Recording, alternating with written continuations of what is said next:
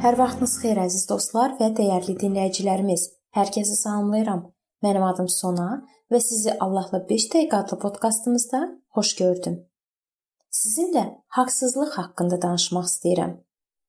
Əgər yox sözü ən çətin tələffüz edilən sözdürsə, mən haqsız idim ifadəsi ən çətin səsləndirilən söz birləşməsidir.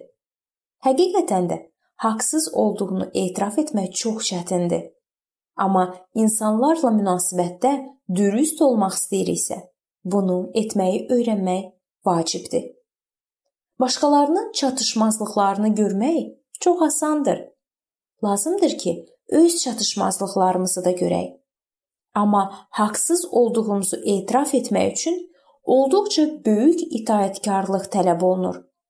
Bəzən öz səhvimizi və ya günahımızı etiraf etmək əvəzinə daha asan yola özümüzə haqq qazandırmaq yoluna əl atırıq. Özünə haqq qazandırmaq üçün hər cür bəhanə var. Mən haradan biləydim? O belə etməsəydi, mən də etməzdim. Yorğun idim. Bu elə də vacib deyil. Bu siyahını çox uzatmaq olar. Özünə haqq qazandırmada az və ya çox həqiqətə yaxın olurlar və onlarda az da olsa həqiqət var. Amma özünə haqq qazandırma, çatışmazlıqlarımızı aradan qaldırmaq üçün ən məsuliyyətli yanaşma deyil. Daha bir səhv yanaşma günahını etiraf etməkdən imtina etməkdir. Məsələn, heç kimlə bu barədə danışmamaq. Biz özümüzü elə apara bilərik ki, güya səhv etmirik və ümid edirik ki, ətrafdakılar bunu duymurlar. Amma bu yanaşma nəinki səmərəsiz, həm də real deyil. Əyyub 9-cu fəsil 20-ci ayədə deyilir: Mən günahsız olsam belə, dilim məni ittiham edər. Kamil olsam belə, məni təqsirkar çıxarar. Biz haqsız olanda qürurumuzdan əl çəkib haqsız olduğumuzu etiraf etməliyik. Bu səhvlərin aradan qaldırması üçün zəruri addımdır. Bədənimizə xas qürur günahını etiraf etmək istəmir. Lakin onun dərk edilməsi vacibdir. Səhvlərimizi etiraf etmək təkcə itayətli olmağı tələb etmir, həm də onun möhkəmlənməsinə yol açır. Heç də hər səhv ciddi sayıla bilməz. Bəzən bu düzələsi anlaşılmazlıq, aydın ifadə edilməyən fikir olur. Elə də olur ki, yanlış nəticə çıxarır, başqalarını da buna inandırmağa çalışırıq. Sonradan isə səhvimizi anlayırıq.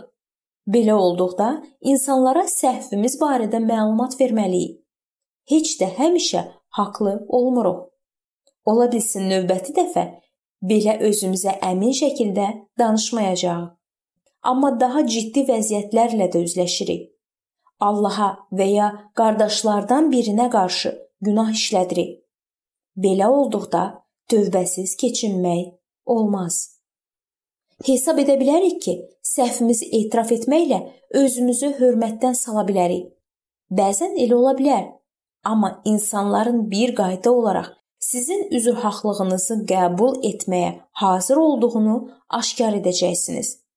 Başqalarına ürəyinizi açmaqla onların məsləhətlərini və dəstəyini ala bilərsiniz. Amma günahsız adam maskasını qorumağa çalışmaqla nə bu dəstəyi, nə də məsləhətləri ala bilər. Bu mövzunun davamını biz növbəti görüşümüzdə araşdıracağıq.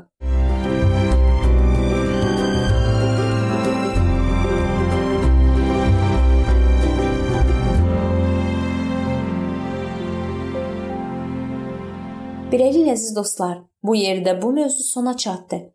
Hər zaman olduğu kimi sizi dəvət edirəm ki, bizim podkastlarımızı Facebook səhifəmizdən və YouTube kanalımızdan dinləməyə davam eləyəsiniz. İndi isə mən sizinlə sağollaşıram və növbəti görüşlərdə görmək ümidi ilə sağ olun, salamat qalın.